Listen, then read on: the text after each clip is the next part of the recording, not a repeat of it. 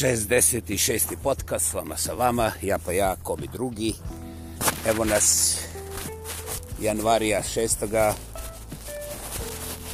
Jaoj, nemojte nikad kupovati dva broja manje cipela. Mm, pustite medicinu na stranu. Boli, boli, to nije medicina, to je ono, puf, ravno.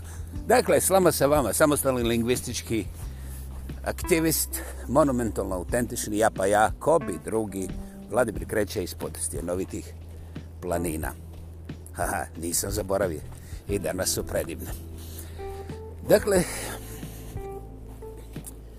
zanimljiv, zanimljiva sjetnica je o tome očiglednom, što ja naravno neću nikad napustiti, ovaj, ne samo kao teoriju, nego prije bilo kakve teorije, činjenicu, da us, ispred svake seoske crkve, a pogotovo ispred tih seoskih bircuza i zadruga gdje se toči uveseljavajuća tekućina za ove tupobrzne, ovaj, ljudi znaju sve. Ljudi znaju sve prije, prije svih ovih velikih e, e informativnih globalnih mreža, doista bez ikakvog cinizma, ovaj, a, e, da li ti ljudi samo nagađaju ili od neko da imaju 47. čulo ili ja ne znam, međutim niko se nije sjetio da napravi zbirku nemogućih informacija koje su negdje u nekoj prigrebini donjoj ili gornjoj, može biti srednjoj, šta ja znam, izaberite, gdje neki uglavnom polupijeni niskoristi kaže, ej, slušaj, daj mi još jednu pijušu pa ću ti ja reći, znaš, koliko puta je gospodin Kramp prdusno prošle noći. Dakle, ono što ne zna ni gospođa Milanija, zna taj nekakav polupijeni niš koristi, daj mi još jedno pivo.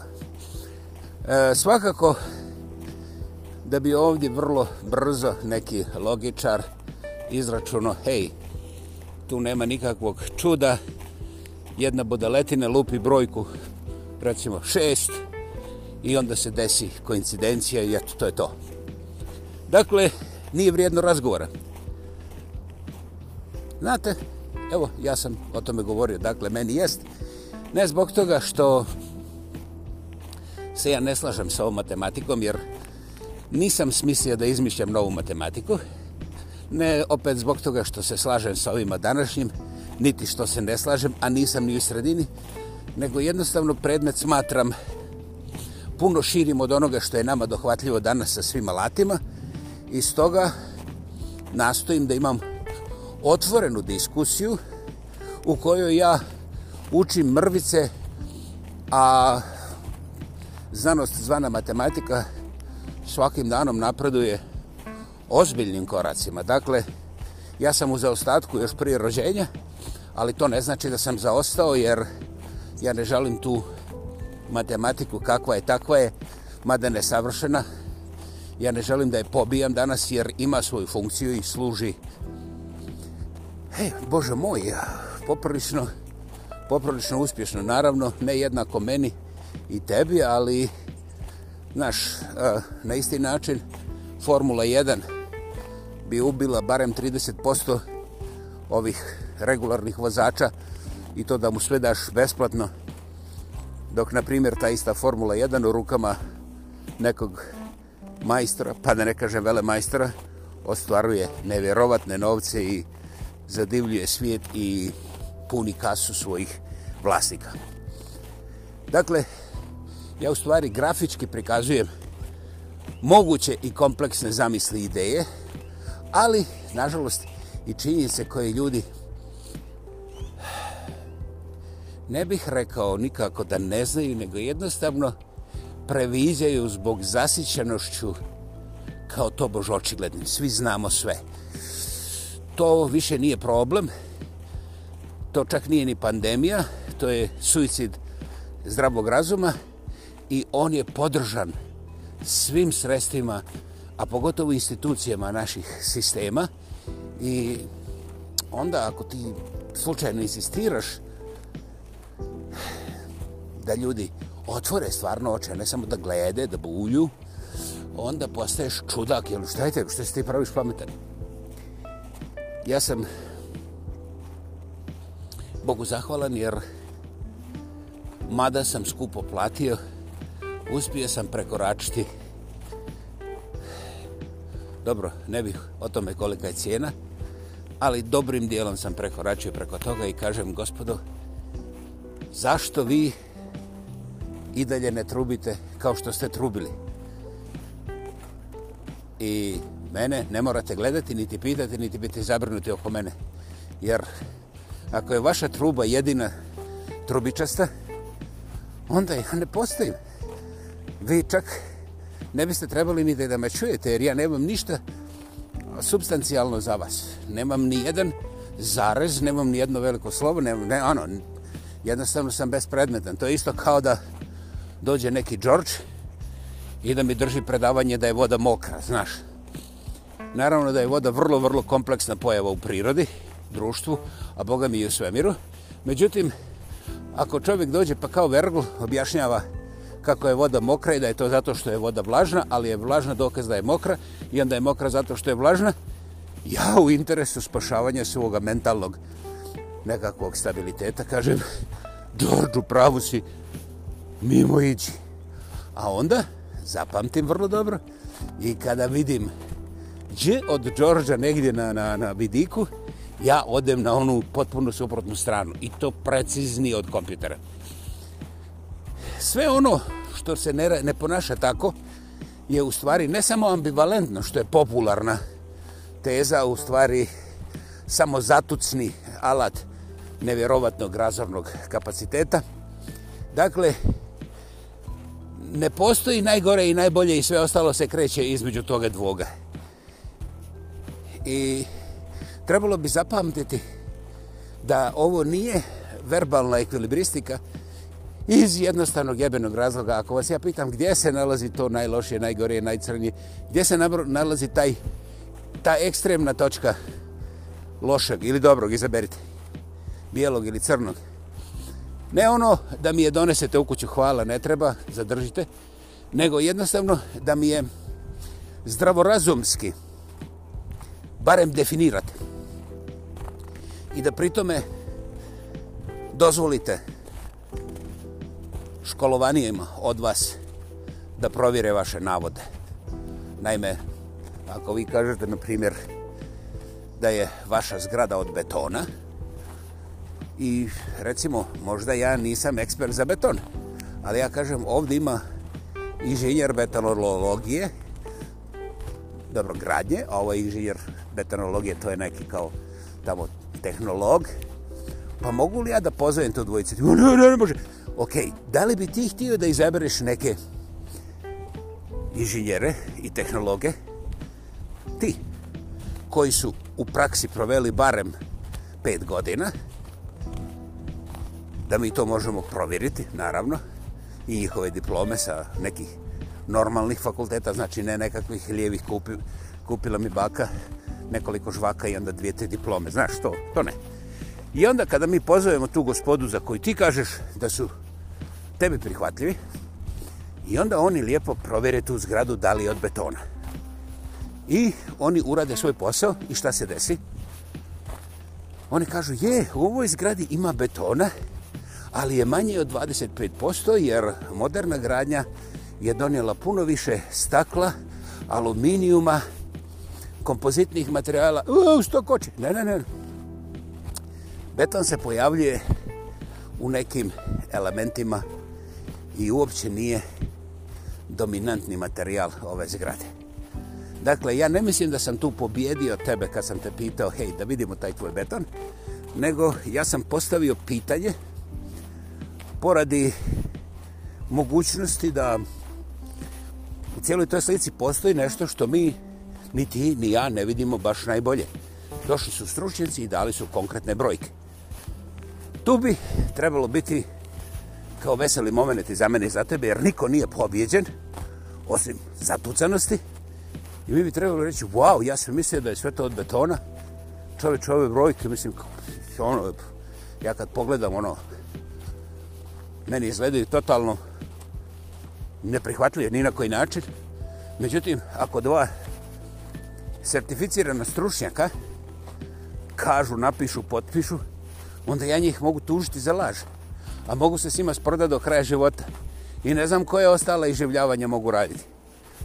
Međutim, da li postoji pitanje, hoću li ja ispasti budaletina ako bilo kome kažem kako su ova dvojica stručnjaka glupi, jer ja znam da je to ipak dominantno beton, ako ne 80-90%, onda barem 79%.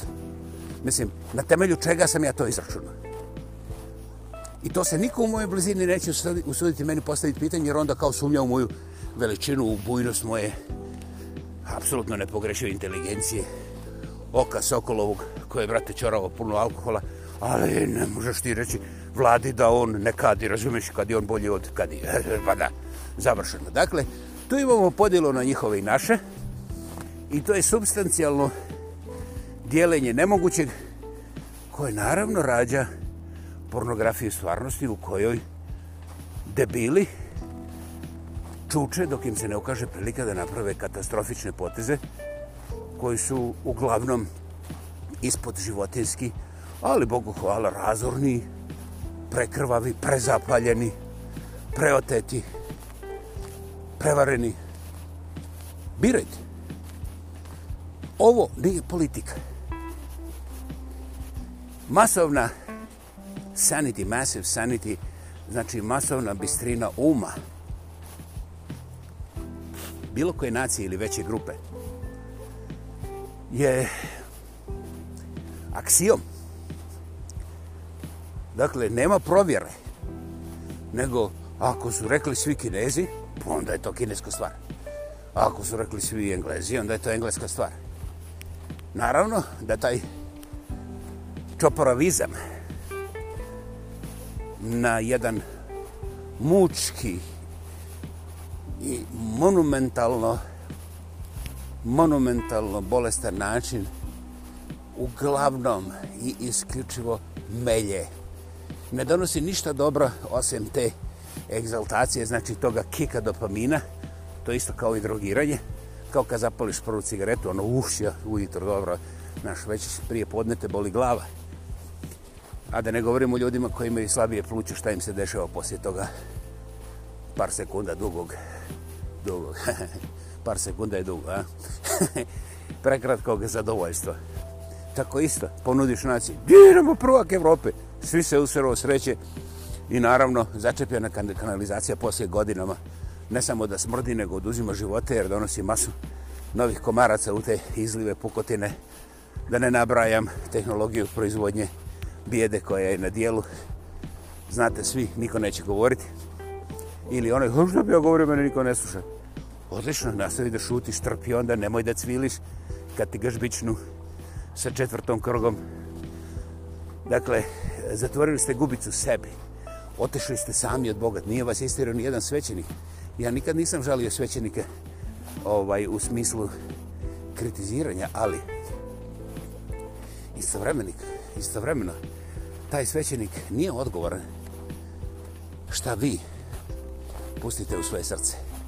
Taj svećenik ne može biti odgovoran šta vi odlučite da uradite sa svojim čukom kada je bolestan. Hvala taj svećenik ne može da bude odgovoran.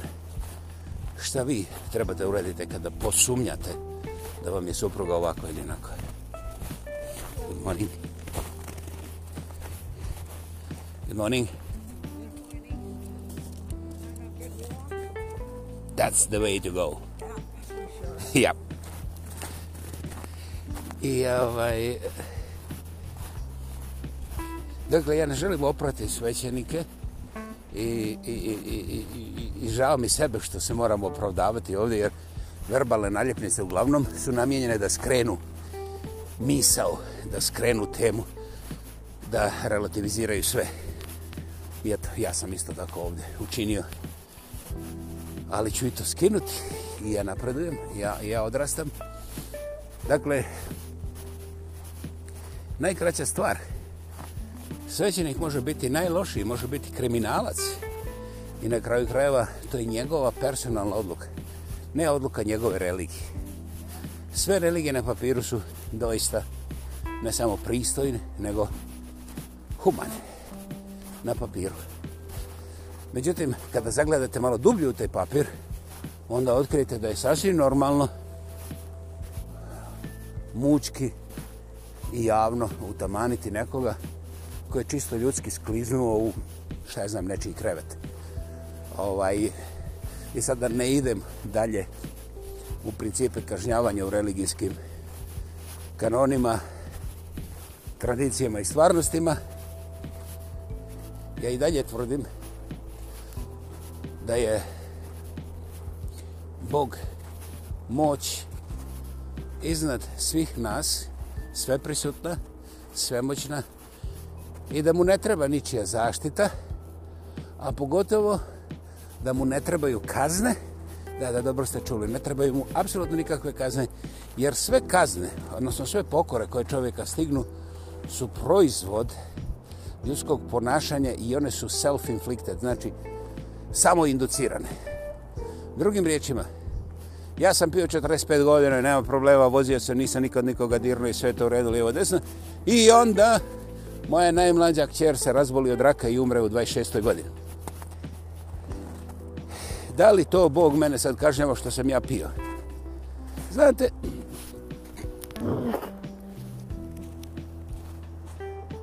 napite se još malo više jer ovaj, meni je podnošljivije kad je čovjek potpuno obulažnjen sa alkoholom da onda šta god kaže, ok. Međutim, znate, Bog ne kažnjava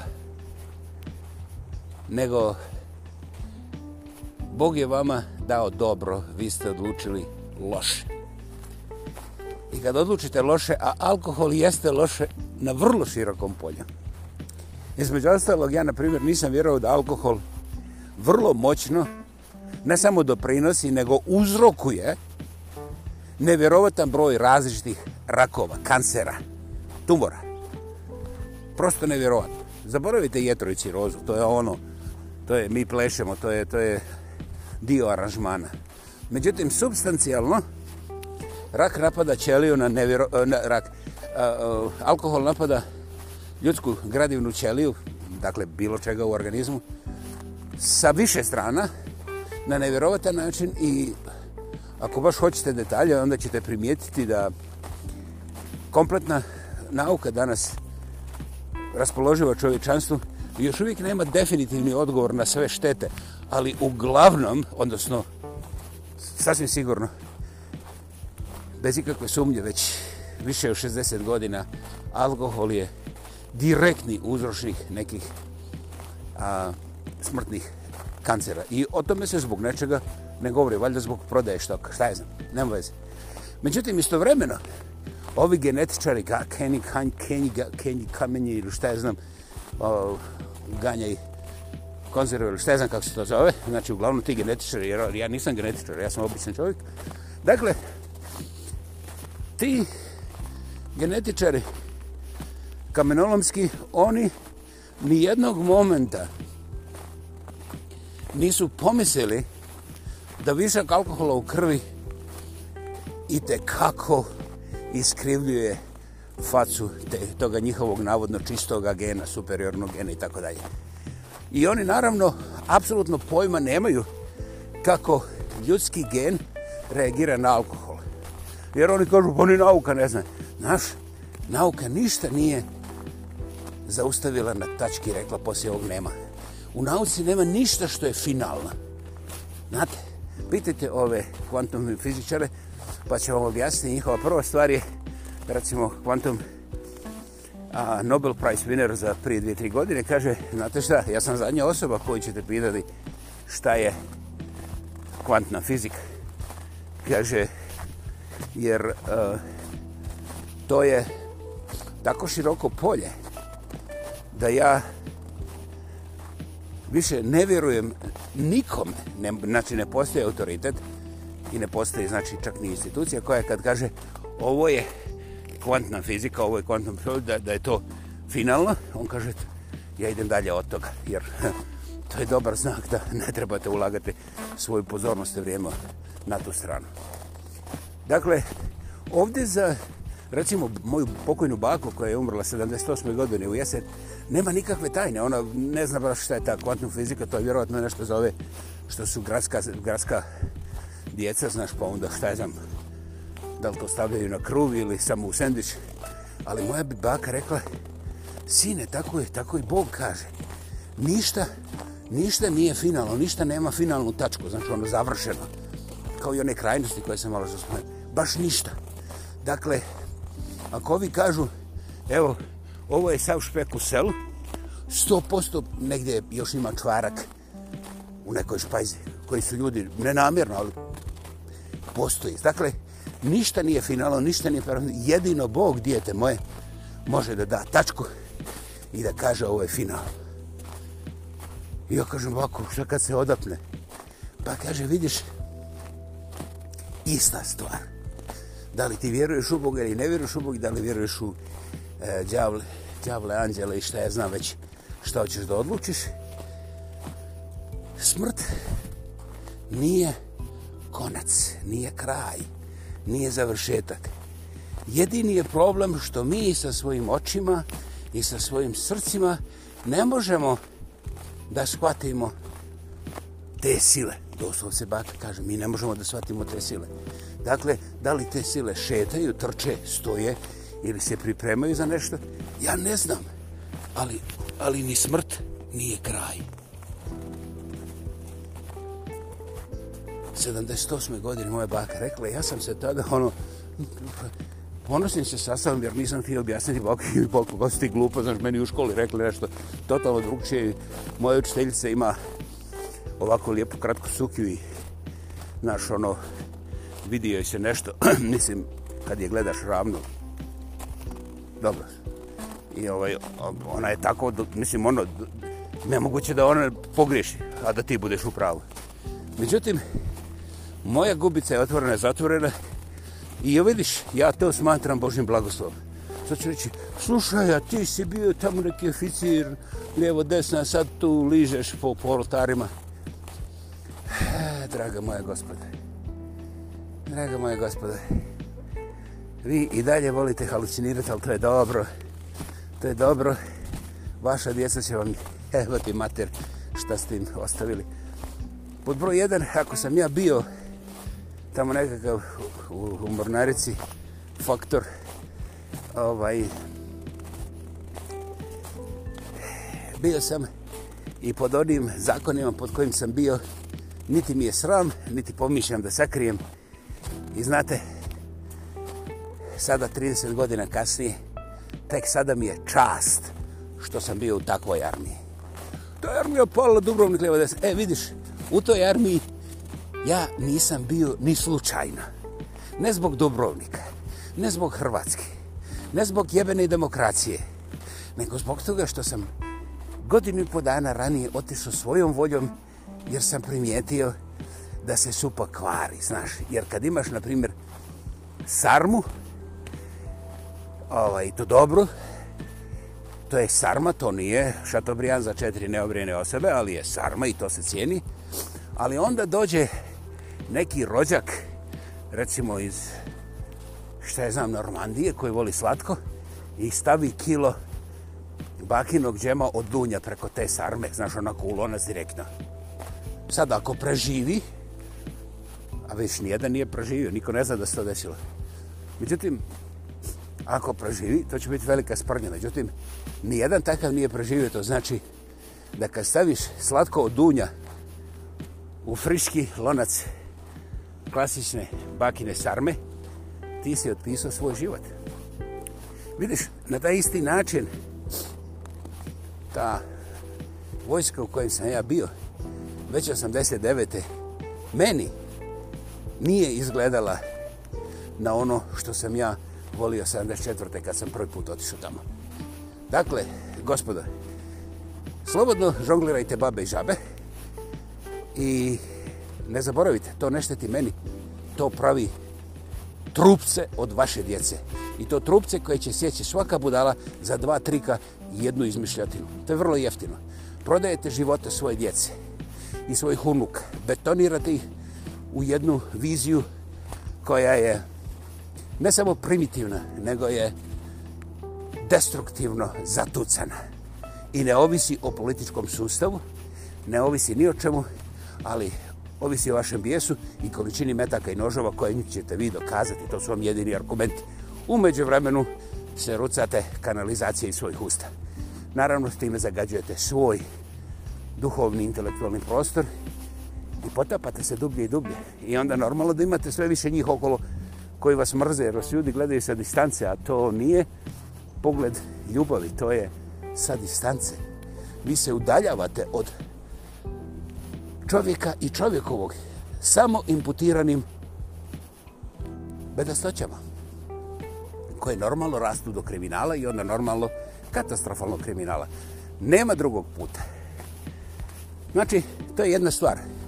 Ako hoćete da mene deklasirate sa tim da sam ja bio, ja vam kažem da jesam evo pod kojim ovaj, uvjetima i naravno to možete provjeriti ako vam se baš tako radi jer nemate drugog posla ljudi moji morate otkriti nekog novog dušmana ja na primjer ne moram ja moram reći zašto ja nisam lizač ortala ovih e, oltara znate gospodo pokažite mi jedan jedini koji sam ja oblizao znači direktno ili samo ovako metaforički međutim ako ja govorim dobro o Bogu. Onda nisam rekao dobro obudi o Lahu, ovom i onom, ja sam rekao Bogu. Premda, ja nemam baš ništa da zamjerim budi Allahu i ostalima iz masu razloga, ali najprije iz jednog elementa građanske civiliziranosti. Što ćemo objasniti nekom drugom prilikom, ali ja sam od uvijek vjerovao da postoji viša sila i to između masu sila koje mi ne vidimo, ne čujemo i ne razumijemo i nemamo čak ideju da postoje, ali eto, postoji neka vrhunska, znači ja vjerujem u hjerarhiju univerzuma i univerzalnih sila i doista mi riječ Bog najviše tu paše i nemam nikakvih problema ako neko kaže, joj, pa to je zatucan. Pa znaš šta, ako ti smatraš da je zatucan u moje tako viziji, šta ti ja mogu? Ja, uh, vjerujući, bivajući otvoren ideji koja je iznad nas, koja je jača od nas, jača od svega što mi poznajemo, pametnije od svega što mi znamo. I onda mi dođe nekakav George zvani Miško Piško i kaže, hej, ti si glup kurac, ne ideš u crkvu, a vjeruješ u Boga. I ja kažem, okej, okay, hvala, ovo je vrlo ljubazno, imate li još šta reći? O, ti, e, hvala, kasnim jogurt mi je na pohovanju za goreće, ovaj, to je dobro. Po, I onda ovaj kaže, po pa što mu nisi razbio ovaj, tu mičku, mislim, miškovu ovaj, čir ima na nosu. Ja kažem, halo čovječe, nemoj davati rješenje za mene. Čovjek je rekao šta misli, a ja sam isto ga zaključio da mi nemamo o čemu razgovarati. Ali on tebe, ej, on mene ne može poniziti. Davno su prošla ta vremena kad je meni selo moglo reći šta mene ponižava. Mene bi ponizilo da sam ja njemu zaustio da objasnim, recimo, koncept ideje bez bogova. Pa onda, kako je razlika između koncepta i ideje prije nego što pređemo na neke činjenične asimptote? Upoti, znam, ja filozofiram, dakle, i tebi hvala i doviđenja. Ovaj, to je jedini način. Jedini način, recimo, najbolje za završiti sve ovo je Mark Twain, kaže, ako sebi dozvoliš diskusiju, naravno ovo nije literalno, ovo je moja interpretacija, ali smisao je literalan, kaže, ako sebi dozvoliš diskusiju sa dustabalnijom, znači sa glupanom, on će te prvo spustiti na svoj nivo, znači na nivo budaletine, i onda, brate, njegova asortima raspoloživih oružja, i onda će te on iskustvom dotući, garantirano, nema šansu. Ja sam možda nekad pomislio da to mogu provjeriti, međutim, ni slučajno ne bih više provjeravao, čak ni za pare, ozbiljne pare, nego to prihvatam kao jedan dobar svjetionik u razvrstavanju mojih misli, impulsa i ideja, što bih preporučio i vama. Ovo je jedan predivan dan, iako je 6. januara, iako je ovoga malo ledenjikavo, ovdje je manje od minus 10, što je sasvim dobro. Um, Slama sa vama, 66. put, ja pa ja, kobi drugi, Vladimir Kređa ispod haha, predivnih stjenovitih planina. Čujemo se vrlo brzo, još jednom hvala, hvala, hvala i da, iskreno hvala. Thank you.